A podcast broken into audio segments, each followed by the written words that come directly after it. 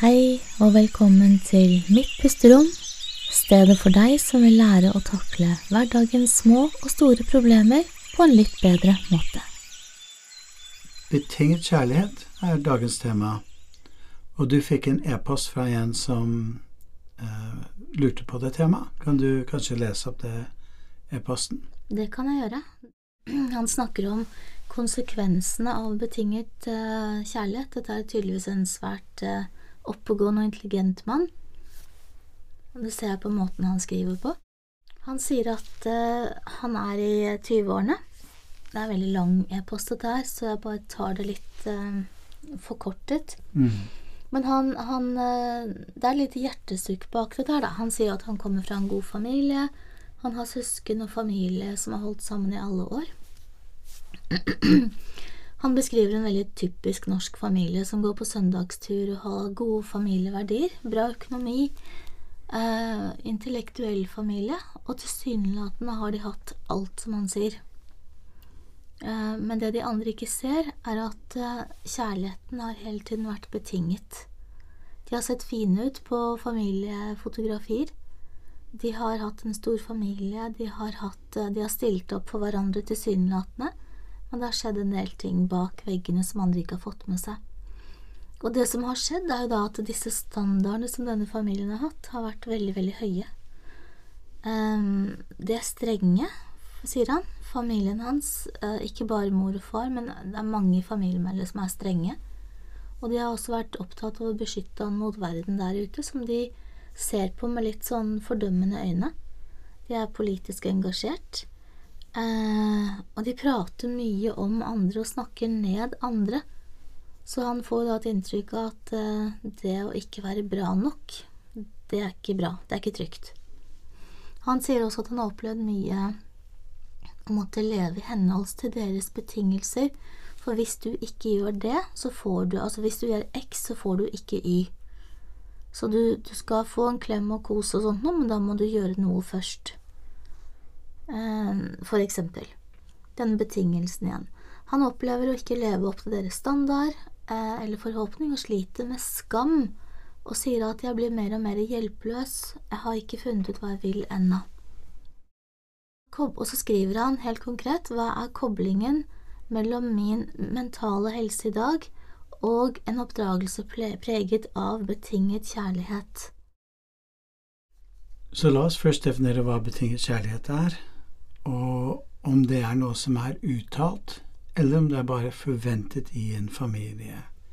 Så han sier eh, når man kan få Y, da går jeg ut ifra at man får Y, da får man kjærlighet, hvis man oppfører seg i forhold til de normer og regler som fins innenfor den familien. Og det er ikke sikkert det har blitt uttalt, eller eh, at det bare har blitt sånn, fordi det er en sånn underliggende stemning som er blitt skapt gjennom å snakke negativt og snakke ned om andre. Kan jeg bare si litt, for jeg vet litt rundt historien rundt det også, mm. litt mer enn det som bare sto der, og det at hvis du oppfører deg på en spesiell måte, så er vi stolt av deg, da er vi glad i deg. Hvis du får gode karakterer, da er du bra nok. Hvis du eh, husker på morsdagsgaven, så er jeg fornøyd med deg. Ok, men det er vi enig i. Det vil være betinget kjærlighet. Det er den betingede kjærligheten. Ja, ja. Så det er absolutt det han er riktig identifisert, da. Ja, ja.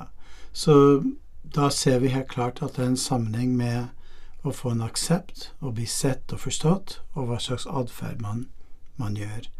Og så kontra betinget kjærlighet må være ubetinget kjærlighet. Og det vil da bli at man blir sett, man blir hørt, man blir elsket selv om man ikke oppfører seg på en bestemt måte. Jeg liker så godt den uh, definisjonen av ubetinget kjærlighet. Det er ingenting du kan si eller gjøre eller ikke gjøre som får kjærligheten min til deg til å endre seg. Den er vakker. Det er veldig, veldig fint. Mm. Så igjen, kjærligheten er så ren, da. Mm. At det handler ikke om den andres atferd. Ja. Men den har da han ikke fått, og det tror jeg er riktig beskrevet at han ikke har fått. Og da er det alltid en sånn vanskelig eh, grensegang mellom å ha trygge grenser, hva som er akseptabelt og ikke akseptabelt, og det å ha kjærlighet som en ubetinget faktor. Og hvis vi tenker på å operasjonalisere kjærligheten, da, hvordan vet et barn at de har blitt elsket ubetinget? Det handler om at selv om man setter en grense, så føler det barnet seg sett. Selv om man setter en grense og sier nei, det får ikke du lov til, så kan de allikevel få en klem og få en opplevelse at de blir tatt på alvor. Et eksempel på det var når sønnen min var eh, to og et halvt år, og jeg åpner kjøleskapet, og han ser sjokolade, og den sjokoladen var ment til lørdagsgodt. Og da peker han på den og vil gjerne ha den sjokoladen. Og så sier jeg nei, og så begynner han å grine. Og mitt første tanke var lille drittsekken skal ikke få. Men så plutselig kom det til meg når jeg så på ansiktsuttrykket hans, at han prøvde ikke å trosse seg til sjokoladen. Det var mer det at han var lei seg at han fikk nei. Og da mener jeg, uansett om det var tross at han var lei seg, at han bør tas opp uansett. Og da tok jeg han opp og trøstet han, mens jeg fortsatt beholdte grensen nei, du får ikke kjærlighet. Jeg tror det er mange Nei, du mente nei, du får ikke sjokolade? Ja, kjærlighet på pinne. Mm. Sjokoladen. Ja, okay, ja.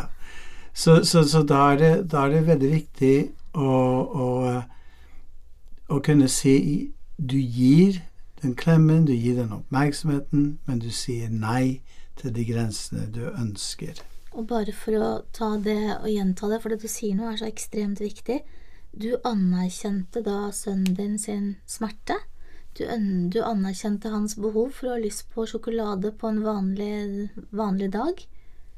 Du så han, og du tok imot han, du tok hensyn til han. Det er, det er akkurat det det handler om.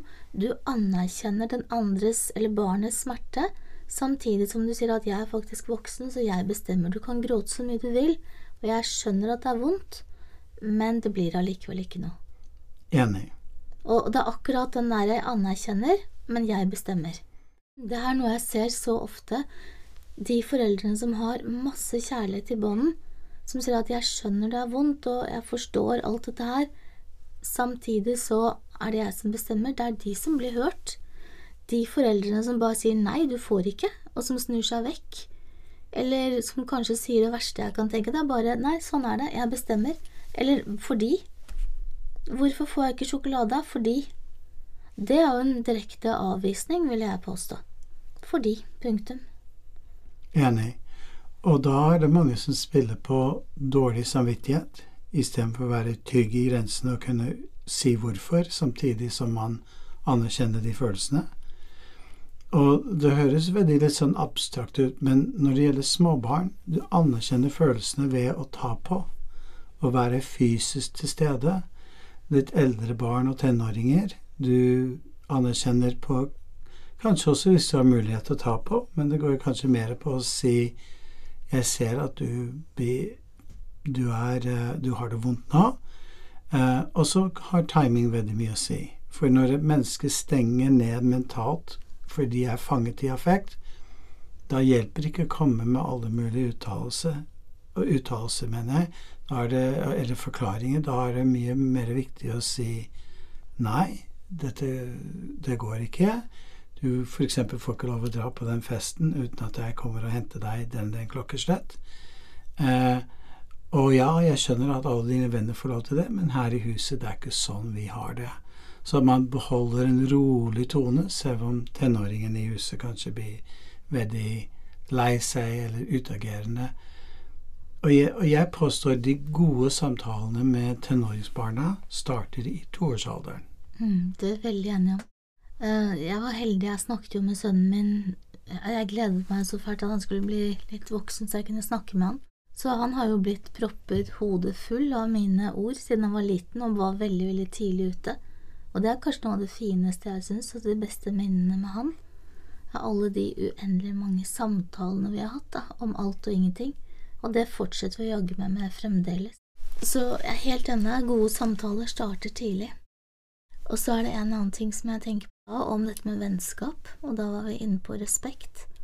Og jeg tenker igjen gå tilbake til dette som foreldre ofte ønsker. De ønsker at barna skal respektere dem. For at noen skal respektere deg, så må du respektere dem først. Og da tenker jeg Tilbake til en liten gutt da, som skriker og hyler og, og vil ha sjokolade. Du respekterer hans eh, behov, du respekterer at han er lei seg, og da vil han respektere at du sier nei etterpå. Det er derfor det ikke funker å si bare fordi, eller bare si bare nei og gå i skammekroken og sitte og tenke på hvorfor du sitter der. For da har du ikke respektert dem, du har bare overkjørt dem, og det er to vidt forskjellige ting. Og da blir den der betingelsen igjen når du må Du kan komme ut av skammekroken når du vet å oppføre deg ordentlig. Med andre ord, jeg er glad i deg når du oppfører deg som jeg vil. Den er litt farlig. Den er farlig fordi da vil man hele tiden føle man løper etter kjærligheten. Mm. Man hele tiden må prestere noe for å bli godtatt. Og det skaper enormt mye stress innad, fordi jeg må være flink nok til at mamma og pappa er glad i meg. Og da begynner vi å svare litt på det spørsmålet hva gjør det med min psykisk helse? Jeg tror det gjør at et menneske som eh, opplever det, eh, sliter mye med mye indre stress og uro, eh, og føler de må hele tiden bevise for omverdenen og andre jeg er god nok til å bli elsket. Prøve å overbevise seg selv om at jeg er bra nok, da. Enig. Og hvis den ikke er på plass, er ikke, hvis det er en grunnleggende tro da, om at jeg er ikke bra nok, så vil jo det legge et voldsomt, en, en voldsom begrensning på hvordan man lever livet. For da, hvis du tror du ikke er bra nok, så vil du sannsynligvis Én eh, eh ting er at du går rundt med et indre stress, men det er veldig mange også som da lett kan utvikle en type angst og uro. Eh, forskjellige angstlidelser, kanskje. Og også selvfølgelig tanker om, om litt tunge tanker som kan tippe over til depresjon etter hvert, fordi det gjør så vondt å føle at jeg er ikke bra nok som jeg er, så jeg må bli noe som jeg ikke vet hva jeg skal være. Så hvor F omtrent skal jeg begynne? Det blir et hull i hjertet Ja. som på en måte er utømmelig, eller ikke... Det er, et, det er et hull i hjertet som ikke kan fylles opp. Ja, det for det det er jeg hull i det. Jeg Ja. skjønner. Ja. Og det er, det er så vondt. Og da har du Så det er viktig å huske på vi jobber ikke med diagnoser gjennom podkasten, så hvis du mistenker at du har et psykisk problem, er det kanskje lurt å Jeg kjenner til han litt, og han har ikke det, men han har bare en veldig lav selvfølelse og litt angst. Ja, men jeg tenker generelt til lytteren Mm.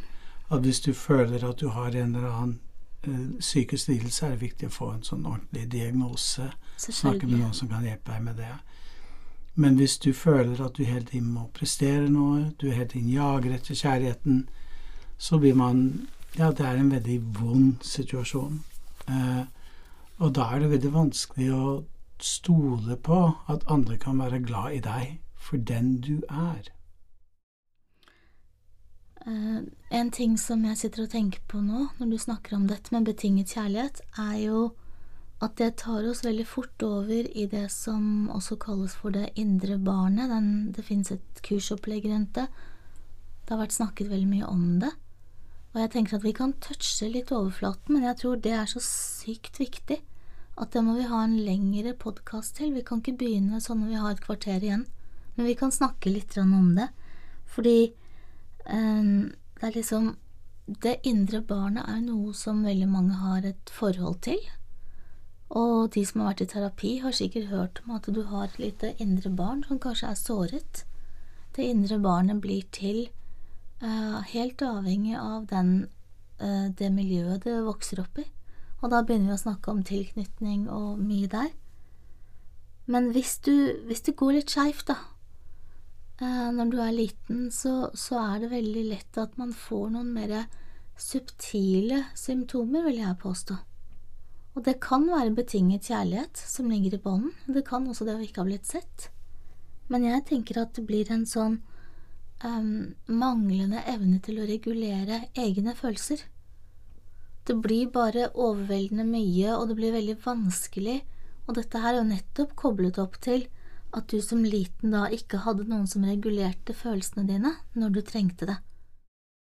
Eller hvis vi tenker tilbake til denne mannen som da sier at eh, når han oppførte seg på en spesiell måte, så fikk han eh, kose og klemme, og da var alt bra.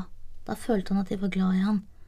Men da vil jeg også tro at de gangene han var skikkelig sint, eller hvis han gråt litt for lenge, eller hvis han var utagerende på noen måte, så fikk han jo da ikke den trøsten som han hadde trengt.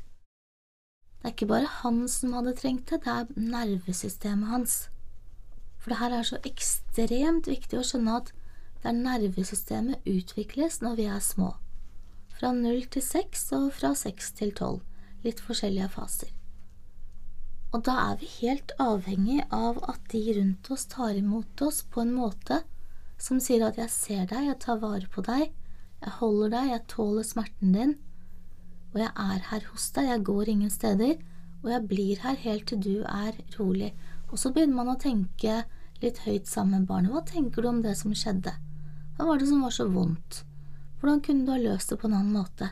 Så begynner man å reflektere sammen med barnet etterpå. Da får man, da får man jo det man kan kalle et litt sånn robust eh, nervesystem. Når du har det, så kan du godt bli utsatt for betinget kjærlighet senere, uten at det betyr noen ting. For da vet du at det handler ingenting om meg. Så, så jeg tenker liksom når denne betingede kjærligheten kommer inn også, er ganske viktig. Så det vi snakker om her, er en form for koregulering. Det vil si at foreldrene ser og anerkjenner de ulike følelsene et barn har, og først møte de følelsene med en form for trøst eller normalisering. Det er ok, gutten min, at du gråter, og vil gjerne ha sjokoladen, eh, men du får ikke sjokolade før på, lørdagen. Eh, og da sier du eh, Jeg vanligvis anbefaler folk å, å, unngå å bruke ordet menn, fordi menn diskvalifiserer alt som ble sagt før menn kom. Men i det tilfellet her så blir barnet da holdt og trøstet, og da får ikke De opplever en, en, at de blir godtatt, og de kjenner det fysisk, selv om man verbalt sier men. Så der kan man kanskje ikke være så veldig opptatt av det verbale akkurat i den situasjonen der. Så, så, og da må vi huske på at, som du sier, nervesystemet utvikles. Så i Norge så snakker vi norsk fordi vi blir utsatt for norsk språk. Og det er fordi nervesystemet er klar for å lære seg et språk. Og det spiller ingen rolle om det blir koreansk eller kinesisk eller hva det måtte være. Eh, det språket blir til fordi du blir stimulert av miljøet. Men det samme skjer i forhold til emosjonell utvikling. Eh, du lærer hvordan du skal takle sinne ut ifra hvordan foreldrene dine møter deg når du er sint. Du lærer hvordan du skal takle når du blir lei deg, i forhold til hvordan du blir møtt i de følelsene. Så, og det er like viktig som med språk, er eh, den, den, måten du blir møtt på når du møter de følelsene. Og da mener ikke jeg en sånn intellektuell tilnærming, men oftest en fysisk oppmerksomhet, en kos og en klem. Være til stede så du får en opplevelse at det er ok være lei seg, det er ok være sint. Og så kommer den gode samtalen, en refleksjon som du snakket om i etterkant. Og det gjør at man forstår sitt eget følelsesliv. Man forstår hvor, hvorfor reagerte jeg nå, og det også gjør at man som voksen har mulighet til å ikke hele tiden jage etter en aksept, hvis man da har hele tiden fått betinget kjærlighet. Man kan tenke trenger jeg å jage etter den aksepten nå? Eh, er det verdt å bruke mye energi på å få han eller hun til å like meg, hvis vi nå tenker på en, en livsledsager? Da kan det godt hende at du sier nei, hvis ikke vedkommende aksepterer meg som jeg er. Da, da gidder ikke jeg å, å, late som eller gjøre noe for å få den andre til å være glad i meg. Og det er det som er problemet, at hvis du går inn i et forhold med feil premisser om hvem du er, da vil ikke det forholdet kunne vare over tid. Og den eneste måte du kan gå inn i et forhold og få den til å vare over tid, er at du må være ekte, du må vite hvem du er, og hva som er viktig for deg, uh, og, og, og, kunne forstå ditt eget emosjonelle reaksjon. Og hvem man er, det er jo ikke til å komme fra at uh, vi mennesker, vi lærer gjennom rollemodellering. Så hvem du er, er veldig ofte du kan bli din egen mor eller far uten at du er klar over det. Eller hvis du ikke er bevisst det, så vil du sannsynligvis overføre en del av de tingene. Så vi snakker om betinget kjærlighet igjen. Jeg har også sett, eh, ikke denne mannen, da, men andre som jeg har sett mange. Hvis det er en betinget kjærlighet mellom mor og far, så vil jo også barnet tenke at men da er det sånn det er, da. Det er ikke så mye å gjøre med det. Altså hvis far sier en ting og mor alltid overkjører, eller hvis far gjør en ting og mor blir alltid sint, så er det liksom ikke noe poeng å prøve, da. Det bare er sånn. Altså, og så begynner kanskje far å tilpasse seg, så mor skal være litt gladere, for eksempel.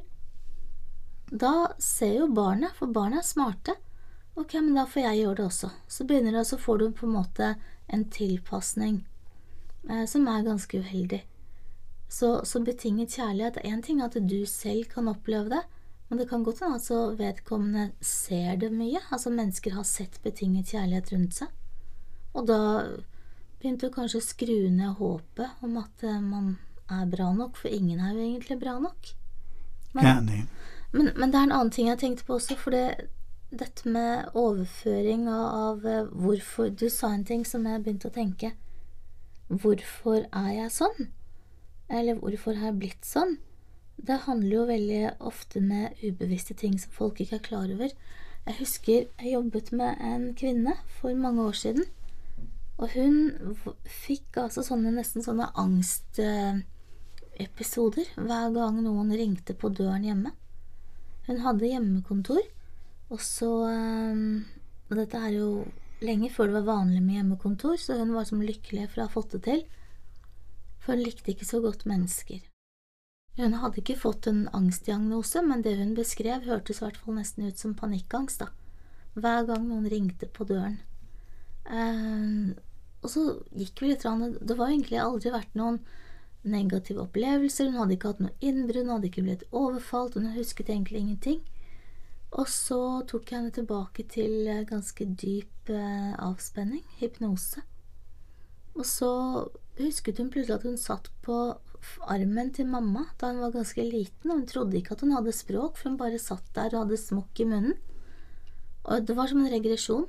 Og da satt hun der, og så ringte det på døren, så løp mammaen ned, og så ble hun stående og titte ut mens hun skalv og var redd. Og mammaens angst sånn, herregud, hva, hva, nå kommer det noen, nå kommer det noen, ikke sant? Mammaen var jo livredd for eh, folk som kom på døren. Og så tenkte hun, er det mulig, liksom? Er det, er det liksom Det kom så klart for henne, så ringte hun til mammaen sin etterpå og spurte henne. Du, hva, hva var dette her for noe, egentlig? Så sa mammaen ja, det det stemmer jo helt, men kan du huske det da, jenta mi? For jeg var, en gang så hadde jeg blitt overfalt, og jeg var livredd hver gang døren ringte på, for jeg hadde en litt sånn gal eks. Så morens frykt var gått rett inn i da et barn som satt uten språk, men hun fikk med seg den frykten som satt i henne da i over 30 år, før hun fant ut av det. Det er ganske fascinerende. Det er det, og du illustrerer noe som er veldig viktig, og det er at eh, disse eh, vonde opplevelsene oftest går i sosial arv. Det går, kan gå i mange generasjoner før det blir avbrutt. Og mennesker som har opplevd foreldre som kjører en regime på betinget kjærlighet, er mest sannsynlig selv utsatt, blitt utsatt for det. Og med en gang eh, en bryter den, den sirkelen, hvor man f.eks. ser en mor eller far som eh, gir den eh, ubetinget kjærlighet, men allikevel kan være tydelig i grensene. Det kan være et stort, stort gjennombrudd. Så hvis vi drar dette litt inn på det glemte barnet Hele ideen med det glemte barnet er å jobbe med seg selv, slik at man kan helbrede eh, det man ikke har fått i, i, det tilfellet her, da. Og det er eh, en ubetinget kjærlighet. Og den helbredelsen går jo over Det er en prosess som går over tid. Det er et kurs som jeg vet mange har tatt, som heter Akkurat det glemte barnet. Og vi, da jeg lagde det kurset med uh, Bli venn med fortiden, så var det egentlig så jeg etterpå. Det er jo mye av det samme. Det er det å se tilbake på hva som har skjedd, og helbrede deg selv så mye at for, på en måte tilgivelsen da, kommer litt av seg selv. Fordi det er ikke så lett å bare tilgi når det er liksom Du kan ikke bare bestemme deg for å tilgi, for det er en kognitiv greie. Jeg skal tilgi mor og far for at de ikke var der for meg som jeg ønsket. Det er ikke så lett å bare si Du kan godt si det, men det hjelper ikke å si det hvis ikke du føler det. Og du kan bare føle det når du kjenner at du har en viss kontroll over nervesystemet ditt, når du kjenner at du selv kan begynne å hele. Når du kan forstå at jeg gjør så godt jeg kan, og det gjorde kanskje de også. Men det å gjøre så godt du kan, det er ikke alltid nok. Så kanskje en liten tips til de av dere som uh, sliter med en oppdagelse med betinget kjærlighet, er å begynne å se for deg hvordan det ville vært å fått ubetinget kjærlighet. Lage en rollemodell i hodet ditt av en mor eller en far, eller mor og far, som kan være tydelig grensesetting, men allikevel er varm, som holder deg, som er glad i deg. Det å kunne stoppe litt opp og vise den ubetinget kjærlighet overfor seg selv når du får lav selvfølelse, istedenfor å gi seg selv pepper og tenke 'Å, herregud, nå må jeg skjerpe meg, hva er gærent med meg?' Stopp litt opp og kanskje hente en pute eller en bikkje og gi den en klem og snakke til den eh, som om du snakker til det lille barnet i deg selv, da. Ja, 'Dette går bra, da, vennene mine', og, og så videre og så videre. Og det er en prosess fordi eh, man må tenke sånn som du snakket om i stad, man må bygge opp nevrologien. Det tar tid å endre hjernen og alle nervebanene slik at dette blir naturlig. Og gjennom den prosessen, når du bygger dette opp, da plutselig så Det blir som å pløye en jord og gjøre jorda klar til å så frø. Da plutselig har du pløyet jorda inni deg, du har gjort ting klart. Da plutselig kommer tilgivelse litt av seg selv, tenker jeg. Fordi nå ligger alt klart, alt er tilrettelagt for at det kan skje. Og det blir et veldig spennende tema for oss å gå litt mer i dybden i når vi skal ta opp dette med Ja, for dette å, å, se på det lille barnet i deg selv, eller det glemte barnet som det gjerne heter, eh, det er så viktig at vi er nødt til å kanskje ha både én og to podkaster til om det. Fordi én ting er å anerkjenne det, men det viktigste syns jeg nesten alltid, det er jo da å vise, komme med noen konkrete verktøy, hvordan løse det, hvordan komme videre med det. Hva gjør du? Altså, selvfølgelig gå i terapi, det er én måte å gjøre det på, men det er så veldig mye du kan gjøre hjemme også, eh, som har med kognitive skifter, som har med hvordan du kan endre nevrologien. Det er veldig, veldig veldig mye, så må, nå bare kjenner jeg at vi har lyst til å prate i to timer til, men det kan vi ikke. Da holder ikke stemmen min. Nei, jeg tror vi skal eh, tenke på å avrunde for i dag. En litt kortere podkast som er også en introduksjon til Det glemte barnet, som vi skal ta opp Neste gang. Neste gang, Og kanskje de to neste gangene. Det er fullt mulig at det blir. Ja. At vi kanskje har litt forklaring på hva som skjer, og neste gang da igjen med løsning. Men inntil da vil jeg oppfordre lytterne til å finne gode rollemodeller på foreldre som allerede kan gi den ubetinget kjærlighet, og eh, leke litt med noen av de tankene og ideene som vi har gitt dere nå. Og så en ting til til slutt som jeg tror er viktig, for jeg tror veldig på dette med å ta ansvar for eget liv. Hvis ikke vi er bevisste, så blir vi som mor og far. Så hvis du har hatt en betingelses mye betingelse i kjærligheten da du vokste opp, så ja, det har gjort noe med nevrologien din. Det har garantert påvirket deg, men vær veldig klar over at du også lett kan videreføre en betingelse i kjærligheten til andre. Så tenk da, hvordan er jeg hvis jeg er betingelsesløs, altså hvis jeg har ubetinget kjærlighet, da?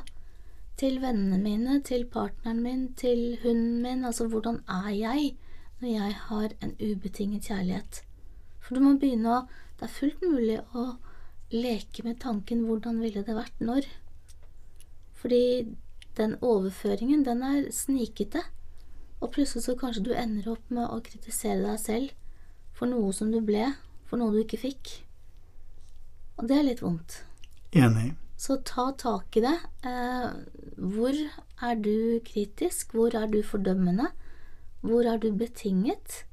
Og hvordan kan du begynne å sånn, ja, forsiktig, veldig sakte og forsiktig prøve å mm, lirke opp litt av de tankene der. Jeg gleder meg til podkasten om Det glemte barnet. Det blir fint. Men da håper jeg at du har fått noen ideer til hvordan du kan eh, jobbe med dette. Pass på at du ikke viderefører noe som ikke var godt for deg å oppleve selv.